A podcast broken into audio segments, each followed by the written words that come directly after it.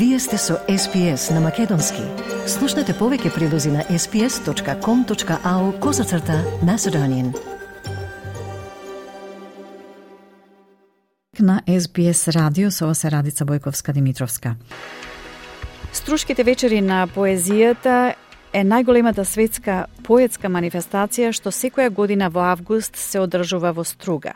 Во 1963 година за прв пат е доделена најголемата национална награда за поезија во Република Македонија, наградата Браќа Миладиновци за најдобра поетска книга на македонски јазик. А во 1966 година Струшките вечери на поезијата започнуваат со доделувањето на најголемото признание во светот за поетско творештво Златен венец, кое досега го добиле најмаркантните фигури во светската поезија. Оваа манифестација е единствена од ваков вид во светот, која што, како што е појаснето во незиниот опис, игра непроценливо значајна мисија во вечно поделениот свет, повеќе од половина век како мост меѓу поетското творештво создадено на сите јазици, место каде и понатаму ќе продолжи диалогот меѓу јазиците, културите, народите, цивилизациите. Мојата соговорничка е добитник на наградата Стојан Христов 2022, што Агенцијата за иселеништво во сработка со Струшките вечери на поезијата ја доделува за најдобра книга поезија од иселеник. Тоа е авторката Емилија Тодорова од Сидне, а наградената збирка поезија е со наслов Гравитација. Емилија, добре дојдовте на СБС на Македонски и веднаш како се чувствувате како добитник на оваа престижна награда? А прво ви благодарам за поканата да учествувам во вашата програма. Инаку се чувствувам исто како што се чувствував и пред добивањето на наградата. На секако дека би било неискрено од мене да да кажам дека не ми значи оваа награда, напротив ми значи многу и се разбира дека е пријатно да се добие признание за а, нешто што а, некој го создал. А, така што а, се разбира дека се чувствувам и среќно и, и возбудено, а, затоа што навистина не ја очекував наградата. Душан Гојов, уредник на Балкански книжевен вестник, во рецензија на вашата поетска збирка, меѓу другото напиша цитат, самиот назив гравитација укажува на паѓање кон длабокото, понекогаш и речи си заборавеното. Понатаму тој додава дека пишувате од позиција како што вели на изместена особа, на пресадено растение и дека со оваа збирка поезија го известувате читателот какво е чувството да се биде пресаден во нешто ново, невообичаено, какво е тоа ново сонце, тој нов дошт, каков е новиот ветер, но уште поважно приспомнувате на она старото во кое биле пуштени првите коренчиња. Колку е во право рецензентот? Би рекла прво дека во процесот на комуникација во случајот меѓу автор и и читател. Но и воопшто во процесот на, на вербална комуникација ние разменуваме зборови. Меѓутоа, слушателот им придава значење на тие зборови. Така што можно е истиот текст да биде разбран, прочитан на различни начини од различни луѓе. Така што и во моите рецензии има разлика во, во толкувањето или разлика во да речеме, интерпретирањето на делови од она што е во поезијата. И тоа е сосем во ред, сушност, тоа е целта кога пишувам. Јас би сакала токму тоа да се случува, да има различно толкување, секој да се најде свој агол во поезијата. Оно што Душан Гојков го вели, во, во тоа секако дека има многу вистина. Песните се создавани низ подолг временски период, Некој од нив, бидејќи сум им се навраќала од различна временска и просторна дистанца, се преработувани повеќе пати. И а, факт е дека во нив исто така се огледува една од критичните промени во мојот живот, а тоа е иселувањето од Македонија, доаѓањето во Австралија. И процесот на адаптација, процесот на едноставно на мрежување на нови вредности, на нов систем, во, зборувам за, и за нова култура, во веќе постоечкиот културен отисок, што го носам со себе уште или од формативните години. Тоа е еден од аспектите на, на поезијата, не е единствен. И доктор Ана Стојановска исто така писателка, професорка, театролог, беше рецензент на вашето поетско дело, таа напиша Постојат поети кои во начинот на пишување подсетуваат на старите мајстори на филигранскиот занает. Зборовите ги собираат како сребрени нишки од пазувите на заборавените спомени и ги нижат, моделираат, пресоздаваат во парче вреден накид. Каде го научивте да речем овој филигрански поетски занает и може ли воопшто да се научи или е нешто што автоматски извира од душата и од емоциите на поетот? Мислам дека е комбинација од двете. А, секако дека јазик може да се научи, комплексноста на јазикот исто така може да се научи. Начинот на кој што понатаму таа комплексност ќе биде изразена, градење на слоевитост или користење на слоевитоста на јазикот, тоа се веќе работи кои што потешко се учат, не велам дека ништо од тоа не може да се научи, меѓутоа за делот, барем еден дел од тоа, ми се чини дека е потребен и емотивен елемент, но како сакате наречете го, не би, не би рекла дека е тоа инспирација, меѓутоа секако дека има емотивна компонента во начинот на кој што јазикот и, и, и емотивна и интелектуална компонента се разбира во начинот на кој што се користи јазикот. Тие лексички и семантички избори што ги правам во својата поезија, за мене се всушност културен маркер, бидејќи самиот јазик е културен маркер тоа е културен описок, средство за, за низ кое што се манифестира и се толкува личниот идентитет. Јас, например, често пати користам архаизми или фолклорни елементи, а, или кованици, неологизми, зборови кои што сама ги создавам. За мене тоа е а, особено интересен аспект на јазикот.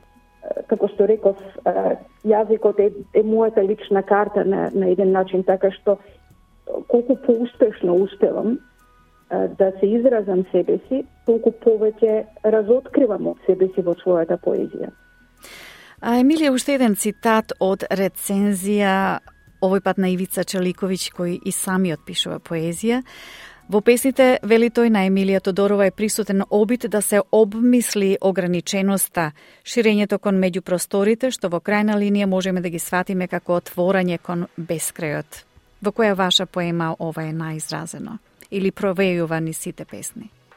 Мислам дека провејува во, во повеќе песни, не е само во една.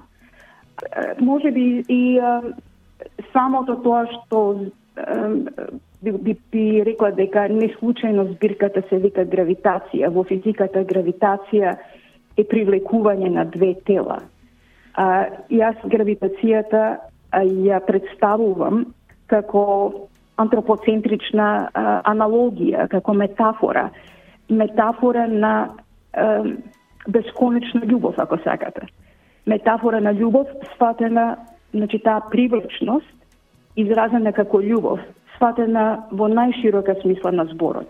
Значи, не зборувам тука специфично за љубов а, од сексуална природа, но се разбира, може да биде привлечност или може да биде љубов кон другите, кон, кон други суштества, кон другите човечки суштества. Но тоа може да биде љубов која што е платонска, љубов која што е на интелектуално ниво. Тоа може да биде ам, љубов кон зборот, кон јазикот, кон себеспознавањето, кон истражувањето. Во тој поглед ми се чини дека а, од, да, да се дојде до тоа, ми се чини дека веќе зборуваме за нешто што е инфинитно, бесконечно широко. Добро, Емилија, ви благодарам за разговорот и честитајќи ви уште еднаш за престижната награда. Би можеле ли да го завршиме разговорот со неколку од вашите омилени поеми? Се разбира. Ке ви прочитам а, неколку песни, почнувајќи со насловната песна а, Гравитација. Повелете.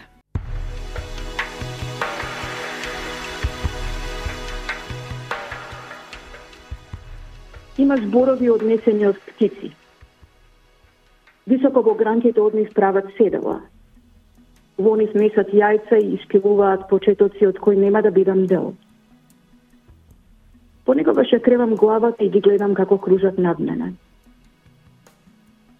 Друг пат на автобуска станица долетува розов балон. Не знам дали чека автобус зашто му е прекуглава од летање или едноставно сака да биде меѓу луѓето. Кога му мавнувам, исчезнува. Напати гледам луѓе како се одлепуваат од земја и се извишуваат над зградите. Некои носат вестник под мишка, но повеќето се со мобилен телефон во рака. Ми се случило да им довикнам, да ги прашам дали е се во ред. Одговор не добивам.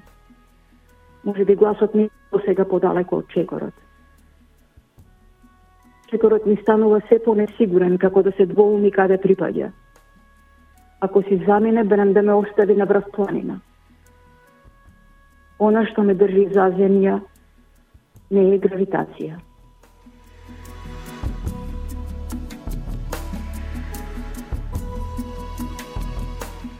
Зид. Растеш во мене како темна месечина во езеро. Е ме познаваш, а ветуваш дека ќе ме вардиш од уроци и туѓи сенки. Од неудобни чевли и удобна совест. Од светот што го знаев, а може би не. Кога ти кажувам дека се плашам од она на што се сеќавам, и уште повеќе од она на што не се сеќавам, ми го удвојуваш стравот со одек. Е касам, гребам со ногти до крв, до коска. Јас не можувам, ти осилуваш. Те храни моето име изглабено во темелот на грубата рака на мајка ми.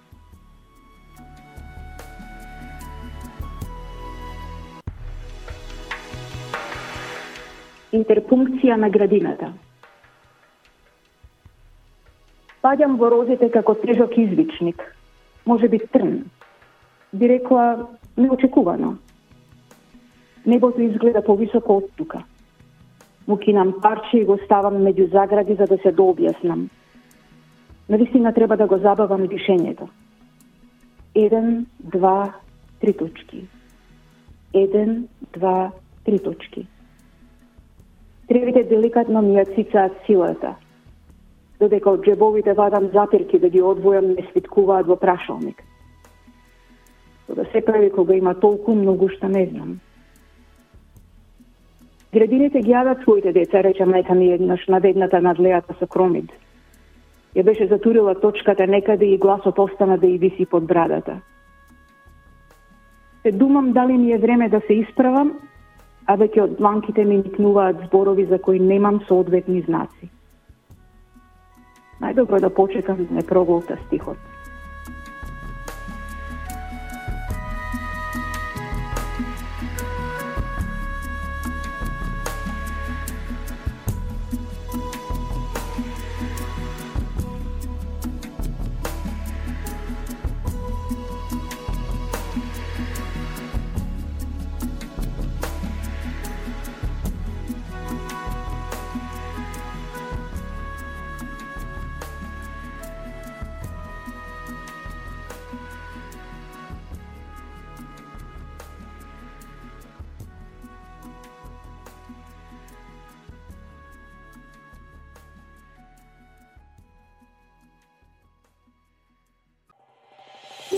Сакате ли да чуете повеќе прилози како овој?